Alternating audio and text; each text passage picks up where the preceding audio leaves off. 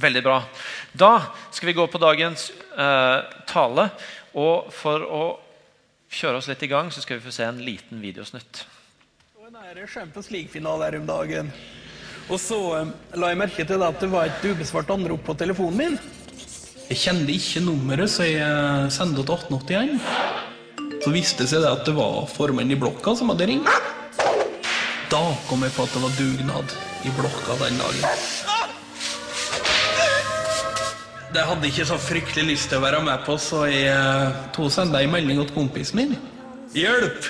Her er det full dugnad. Kan jeg se kampen hos deg? Og så klarte jeg å sende melding til formannen. Og det var lurt.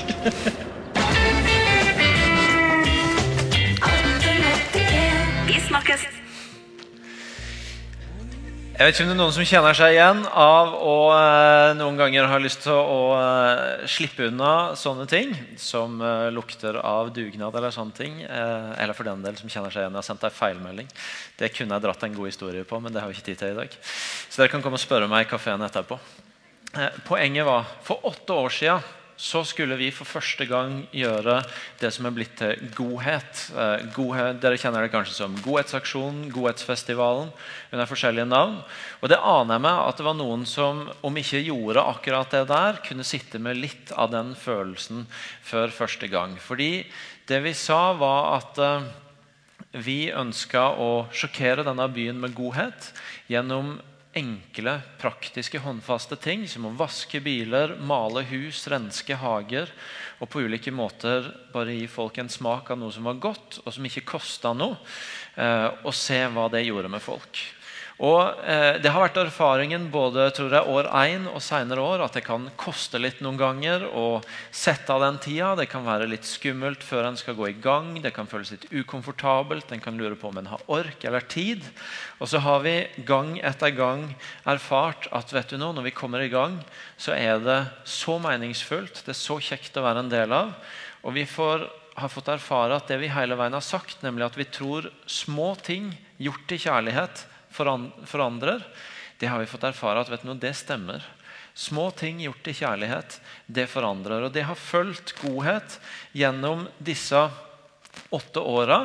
Og godhet er blitt en sånn fundamental del av det vi ønsker å være som, som menighet. Vi snakker masse om at vi har lyst til å gjøre Guds godhet tilgjengelig for verden rundt oss. Eh, fordi dette møtet med at godhet som noe håndfast, enkelt, praktisk, konkret som faktisk kan forandre masse i menneskers liv, det har gjort noe med oss også. Og Denne uka så har jeg spurt, fordi i dag er det 29 dager til Godhet 2013. 3. juni begynner vi. Og Denne uka så har jeg spurt hva tenker du at godhet i åtte år har gjort med oss og med, eh, med byen og med denne kirka. Jeg har fått en del svar eh, som jeg har lyst til å lese for dere. Eh, det var en som sa jeg opplever at godhet har vært det som har revet ned gjerdet mellom oss og folk i byen vår. Det har fått oss ut av Imi-gettoen.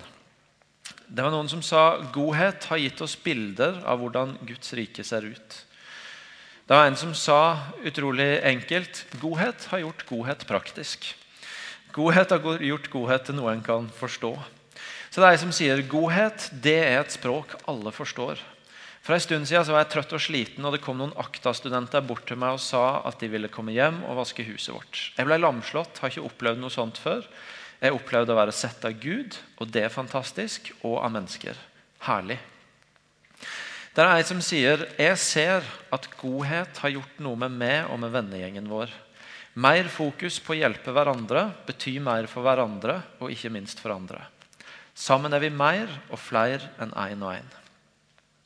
Det er ei som sier godhet har totalt endra mitt fokus på åssen jeg som kristen kan kommunisere til de rundt meg hvem Gud er. Det å gjøre godt har fått mange nye ansikt.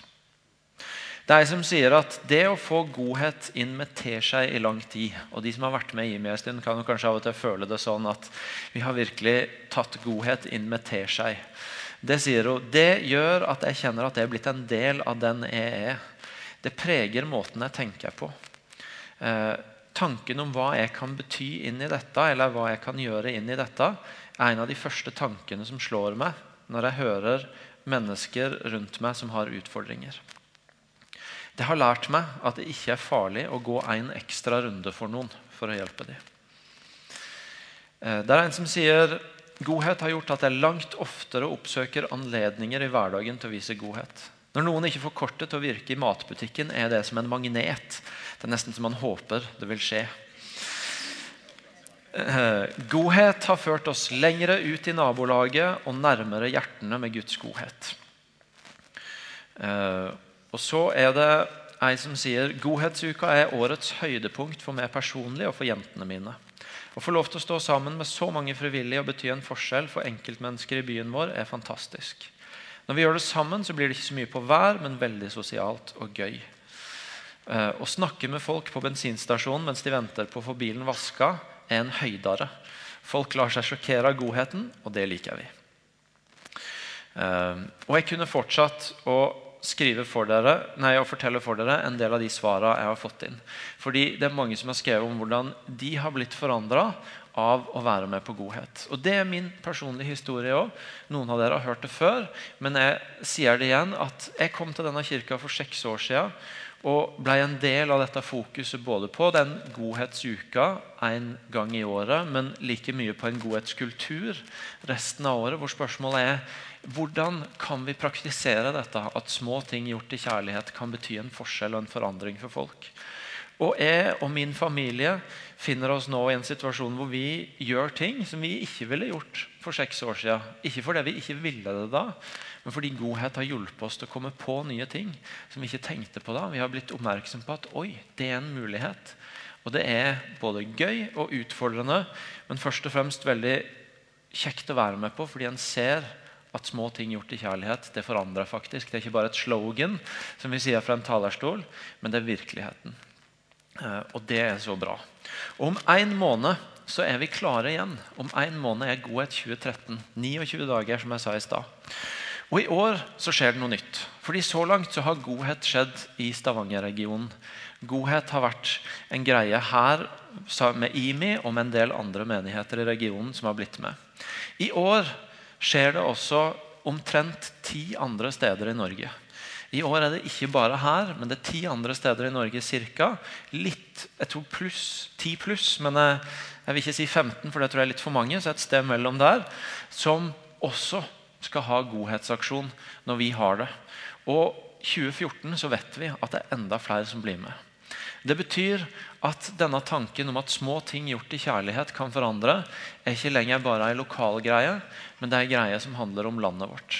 Det betyr at vi ikke sier bare at Små ting gjort i kjærlighet kan forandre en situasjon, eller et menneske, eller et nabolag, eller en arbeidsplass, eller en by eller en region. Men vi drister oss til og med til å si at vi tror dypest sett at små ting gjort i kjærlighet kan forandre et land. Eh, og det er, det er en stor visjon, men det tror vi på. Og det gjør at jeg gleder meg enormt til å at godhet 2013 nærmer seg, og til å se hva det blir. Og til å begynne å få rapportene fra andre steder i landet også.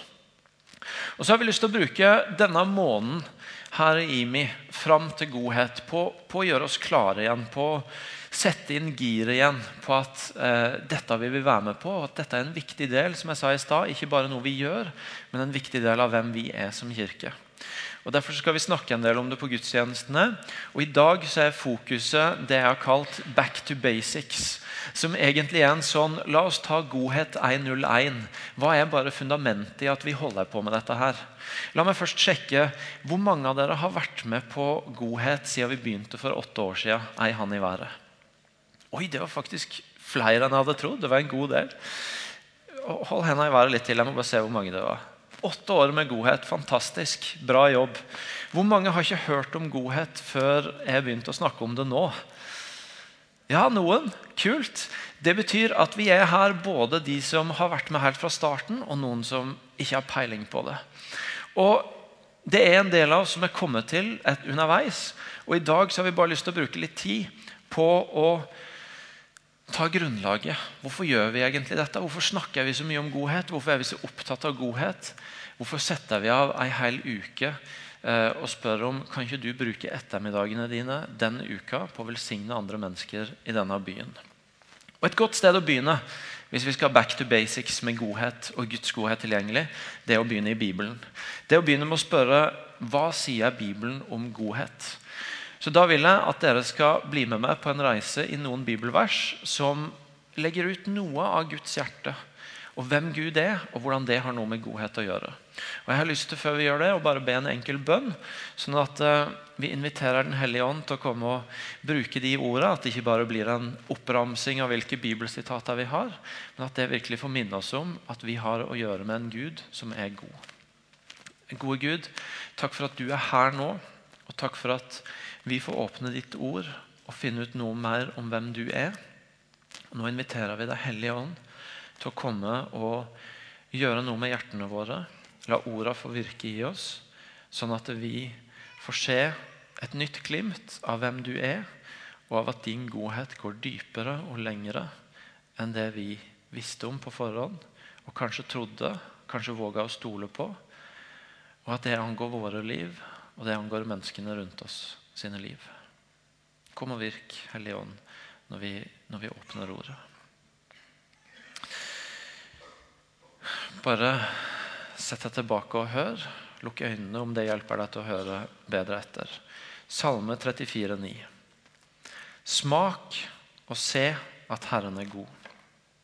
Salig er den som søker tilflukt hos Han. Salme 105. Herren er god. Evig er hans miskunn. Hans trofasthet varer fra slekt til slekt. Salme 106. Halleluja. Takk Herren, for Han er god. Evig varer Hans miskunn. Salme 145, 145,9. Herren er god mot alle, mild mot alt han har skapt. Herren er god mot alle, mild mot alt han har skapt. Titus 3. Men det blei åpenbart hvor god vår Gud og frelser er, og at han elsker menneskene. Han frelste oss ikke pga. våre rettferdige gjerninger, men fordi han er barmhjertig.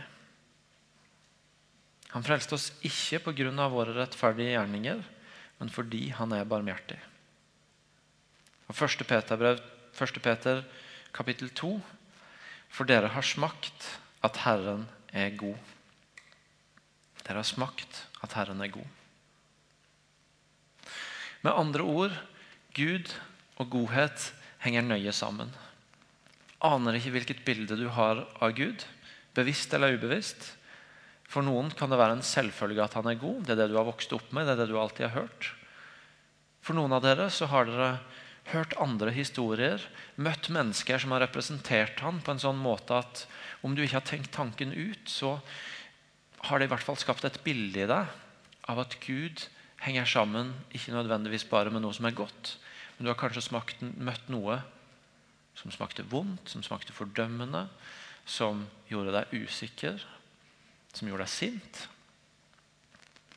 Og så tar Guds ord oss tilbake til en sånn påminner om at Uansett hva du måtte ha møtt på som har gitt deg andre bilder av Gud, så, så hører vi her om en Gud som er god. Gud er ikke en som av og til velger å være god når han har en god dag.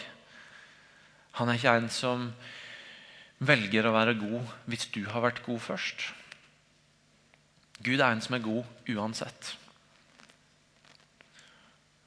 og som er god uavhengig av hva som du måtte ha kommet opp med i ditt liv. Noe av det som er så suverent med Gud, det er at han er den han er, uansett. Og Det betyr at mine handlinger og, og, og min måte å møte dagene på influerer ikke på om han er god eller ikke. Fordi han er den han er uansett. Min godhet kan forandre seg. Jeg har mine dårlige dager men hans godhet forandrer seg ikke.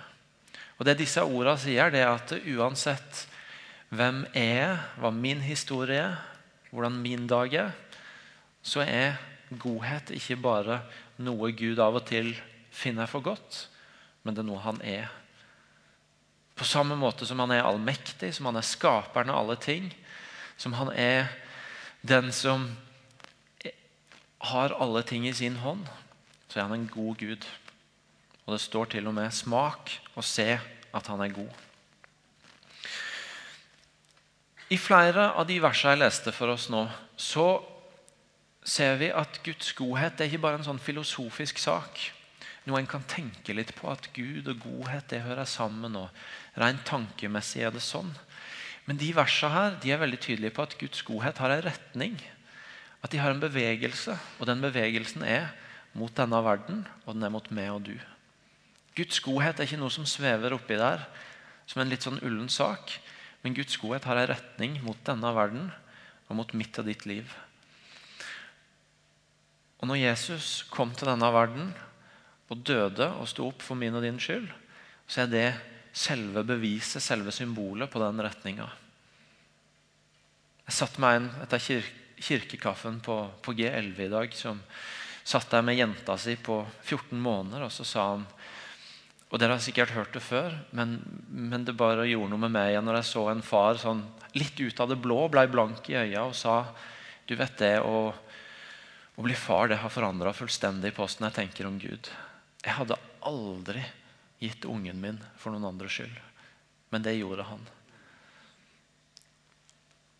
Og Det sier noe om at Guds godhet har en retning. Det har en retning mot mitt og ditt liv, og han var villig til å gå langt.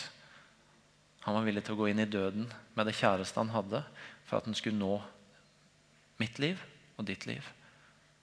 Uavhengig av hvordan din dag er, og hvordan din godhet er. Det er utgangspunktet. Guds godhet har en retning.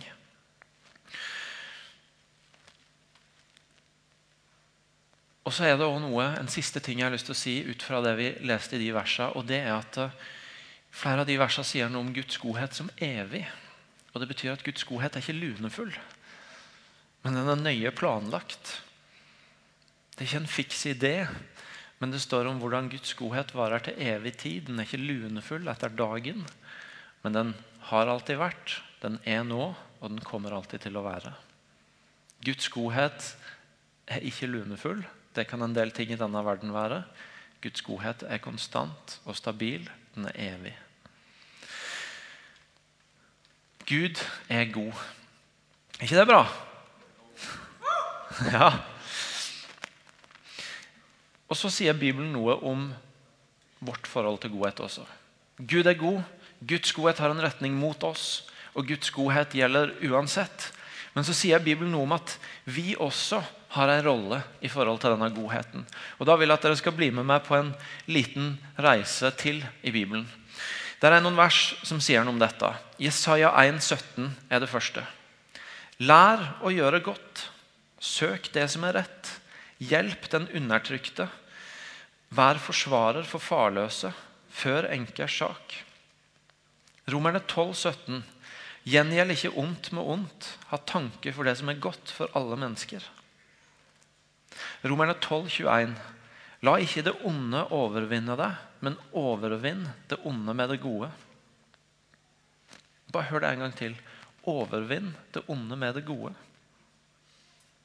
Efeserne 4. Vær gode mot hverandre, vis medfølelse og tilgi hverandre, slik Gud har tilgitt dere i Kristus. Lysets frukt er all godhet, rettferd og sannhet.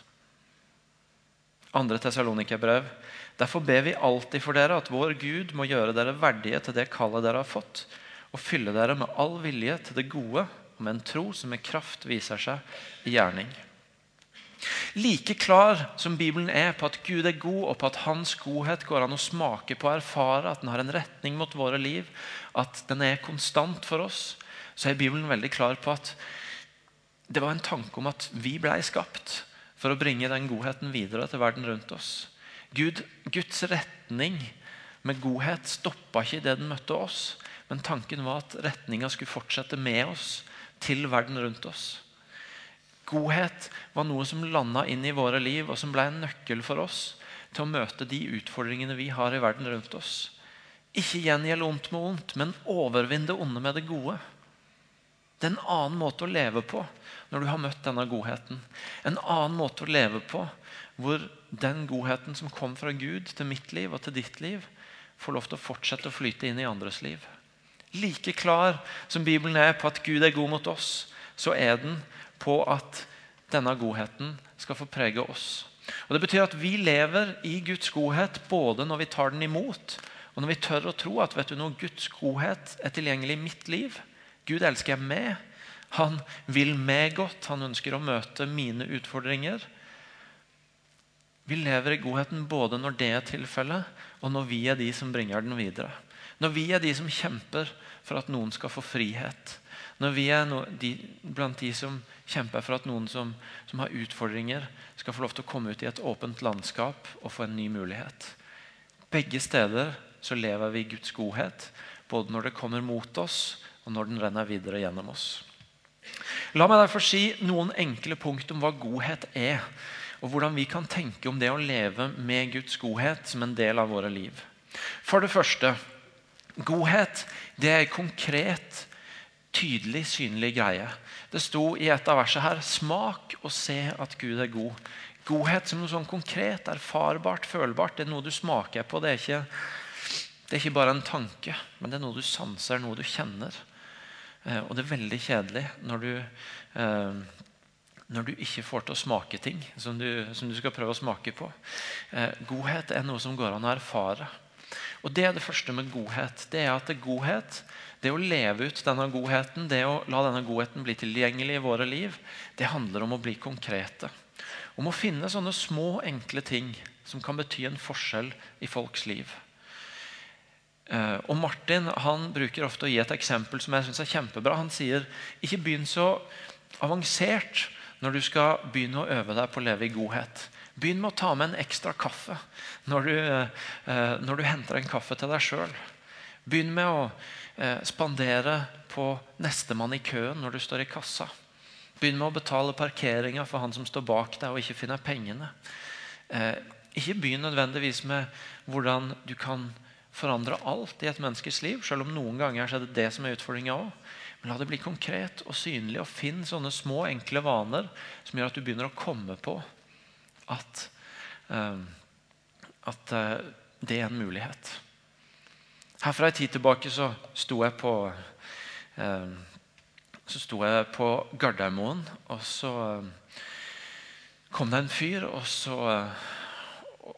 og så hadde han ikke penger til flybussen. og og, og, og, bussjåføren bare sendte han videre til toget, for han trodde kanskje at han hadde nok penger til toget. Og jeg sto og så på det, og så betalte jeg. Og så gikk jeg inn i bussen og så tenkte søren hva skjedde der?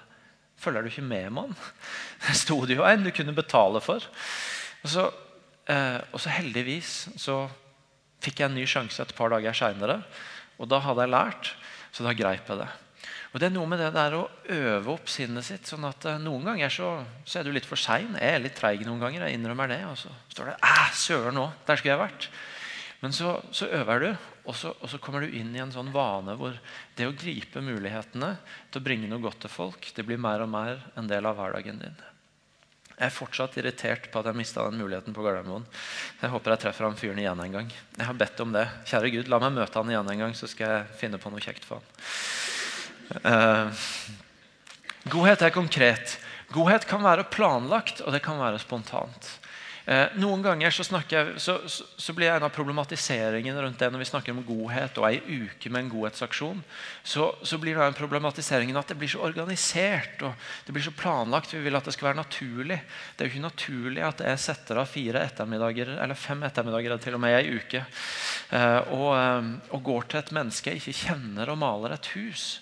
Det er jo mye mer naturlig at når jeg ser en jeg kjenner som trenger noe, så helt ut av det blå så, så kommer min godhet svevende over vannet og, og møter han.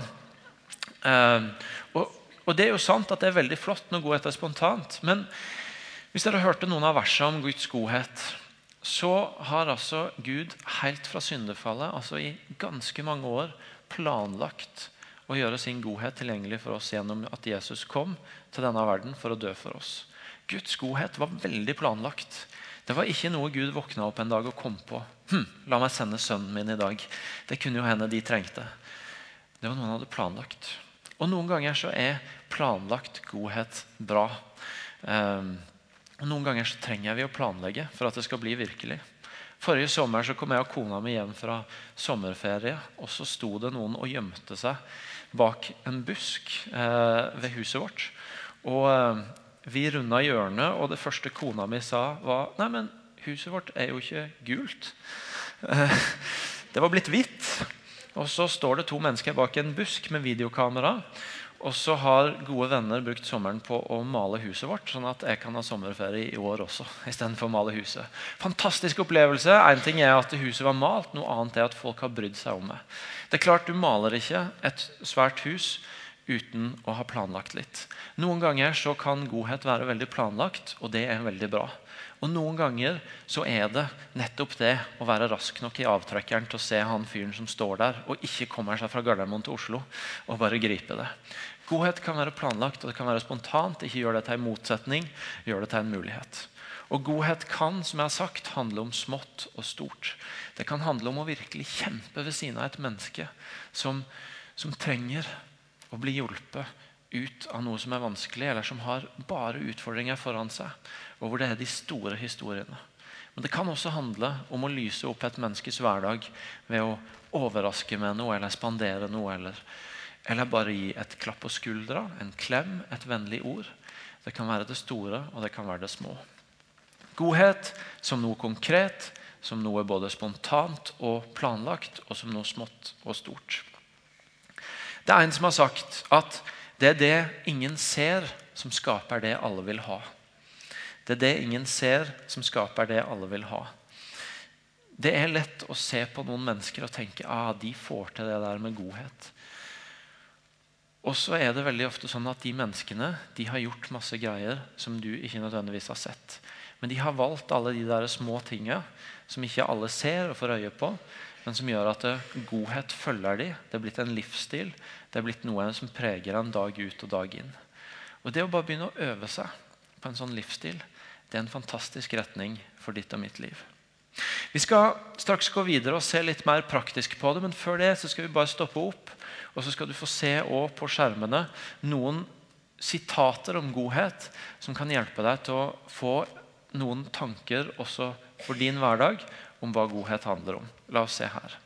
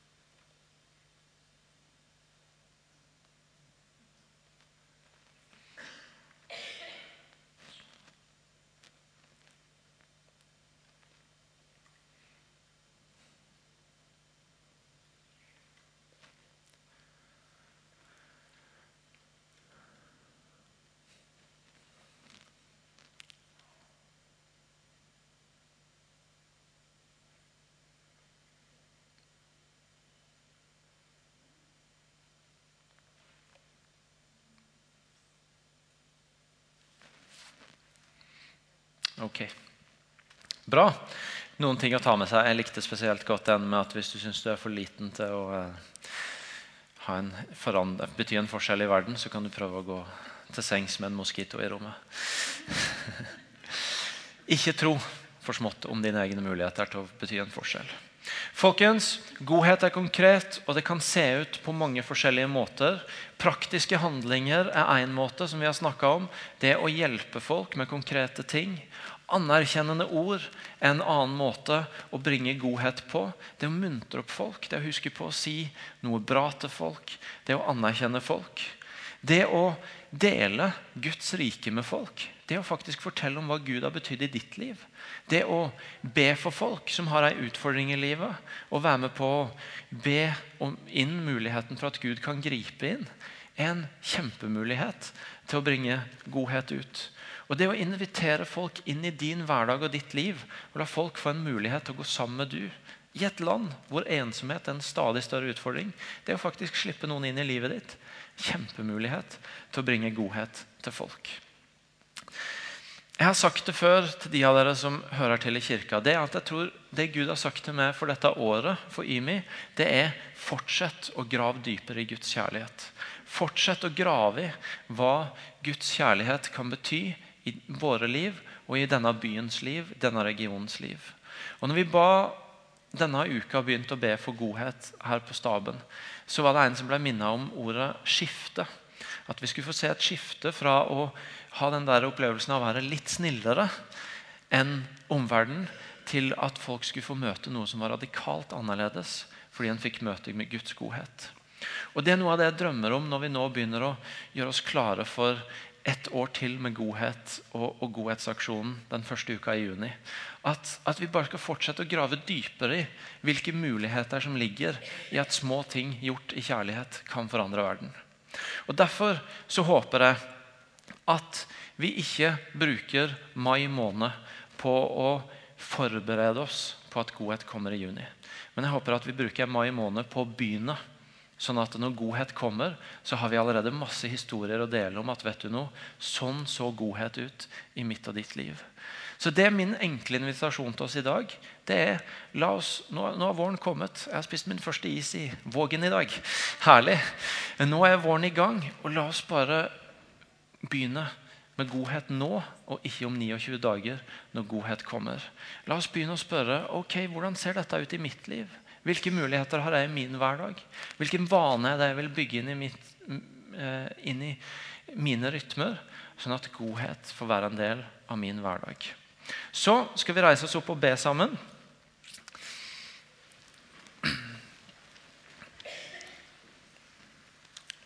Det jeg har lyst til å gi oss med en konkret utfordring denne uka, det er at du nå, når jeg ber, så skal vi være litt stille, og så skal du få lov til å tenke Hvilken konkret utfordring vil jeg ta med meg inn i denne uka som handler om å ta godhet enda mer inn i mitt liv?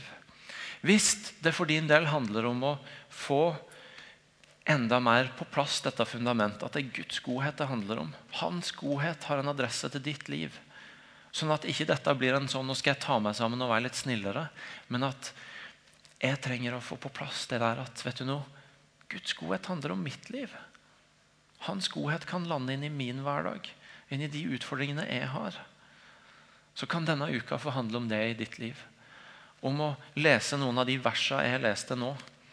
Om å stoppe opp og være litt stille og ta inn over seg dette at Gud, din godhet møter mitt liv.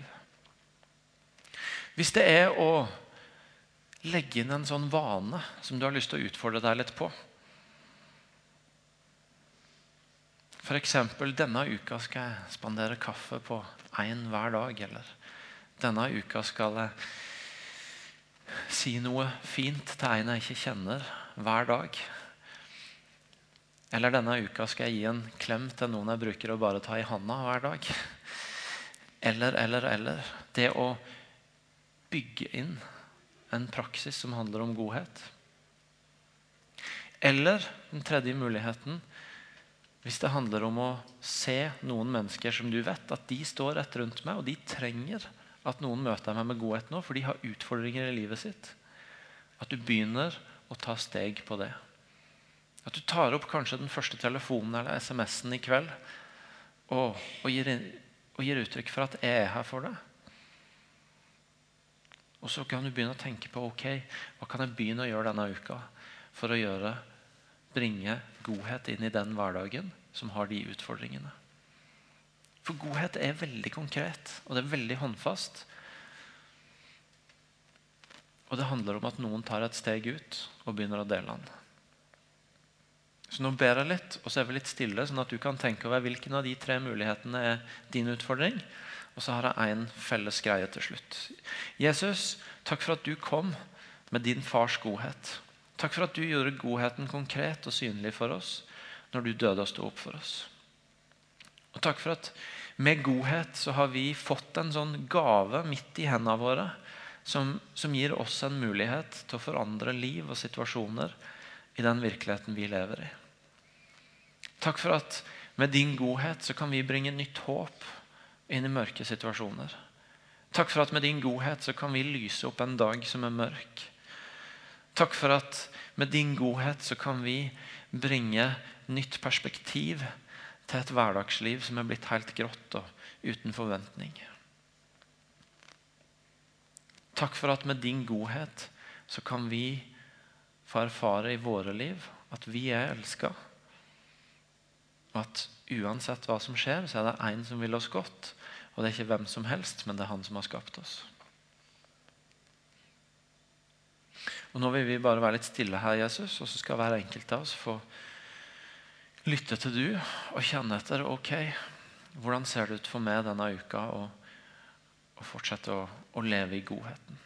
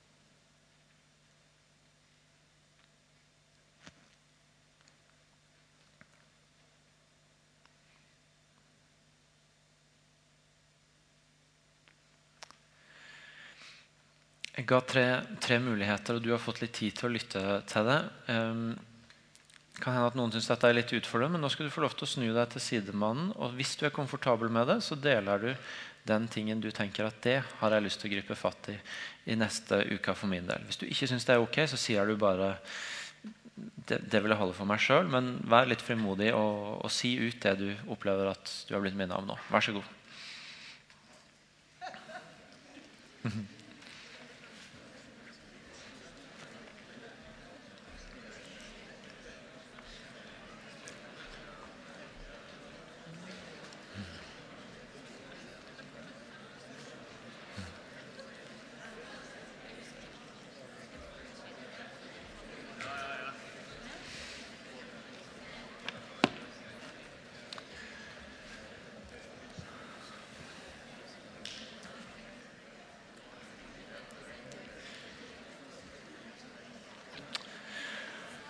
Ok. Eh, fortsett gjerne den samtalen over kaffen. Eh, jeg har lyst til å gjøre én siste ting, og så skal vi gå mot en avrunding av denne gudstjenesten. Det, det er kjempebra at dere prater, men eh, Jeg har prøvd å være tydelig på i kveld at fundamentet for det vi holder på med med godhet, må være at Guds godhet har en retning mot våre liv, og at den gjelder oss uansett hva som er status i våre liv. Og Hvis du er her i kveld og vet at det er vanskelig for deg å tro, eller ikke har tatt det innover deg før, at uansett hva mitt liv er, så har Guds godhet en retning mot mitt liv, og du vet at det trenger jeg å få et forhold til, så har jeg lyst til å be for deg. Så dette er et trygt sted. Det er trygt å gi til kjenne ting, og vi vil be for det. Og så eh, skjer det, det som skjer her inne, det blir her inne. Hvis ikke du velger å dele det sjøl, så kan jeg ikke bare få se han i været hvis du vil at vi skal be om at Guds godhet får lande i ditt liv. Eh, du har syntes det har vært vanskelig å tro at han vil deg godt, eller du har syntes det har vært vanskelig å tro at hans godhet kan møte din virkelighet. Få se han i været hvis det gjelder du, og så har jeg lyst til å be for deg til slutt.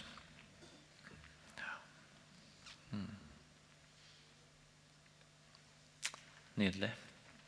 Far, du ser de som har gitt til kjenne nå at eh, de har hørt om din godhet, men de syns det er vanskelig å kanskje tro på han, eller tro at han møter deres liv. Men de trenger det, og de har lyst til å få et forhold til det. Nå har jeg bare lyst til å be deg om å komme og jobbe i hjertet. Og la de få lov til å ta imot budskapet om at din godhet er evig at den ikke er lunefull, og at den var villig til å gå ekstremt langt for at vi skulle vite at vi var elska. Jeg ber deg om at der de før har hørt ryktene om din godhet, skal de nå få erfare din godhet. Mm.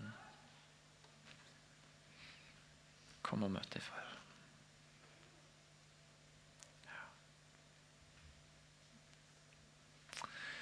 Da er det sånn at Øystein og teamet vil lede oss i lovsang. Det er forbedere på den sida som gjerne vil be for deg, enten noe av det jeg har talt om, utfordrer deg, eller du bare har en krevende situasjon i livet som du ønsker at noen ber for deg. Det kan være smerte, sykdom. Eh, vi har fått inn noen kunnskapsord. Eh, det vil si at noen har vært sammen og bedt i forkant av gudstjenesten og blitt minnet om noen ting. Det går på noen smerter. Eh, en som har problemer med tåa på høyre fot. En som har en, vrik, en fot som er vrikka, og en som har synsforstyrrelser. Hvis det angår du, så er du vel, veldig velkommen til å komme til forbønn. Og så vil vi be om at Gud skal gripe inn. Når du føler at du har fått nok her inne, så er det åpen kafé der ute. Stopp igjen, snakk sammen, bruk tid sammen. Og så er du velkommen tilbake til gudstjeneste neste søndag. Jeg vet at dere nå syns det var godt å få lov til å sette dere igjen etter at jeg har bedt så lenge, men det siste vi skal gjøre sammen, det er faktisk å stå. Og så skal dere få ta imot Guds velsignelse som en felles avslutning på denne gudstjenesten. Herren velsigne deg og bevare deg. Herren la sitt ansikt lyse over deg og være deg nådig. Herren løfte sitt åsyn på deg og gi deg fred. Amen. Velkommen til å stoppe igjen, velkommen til forbønn og velkommen til kafé når du ønsker det.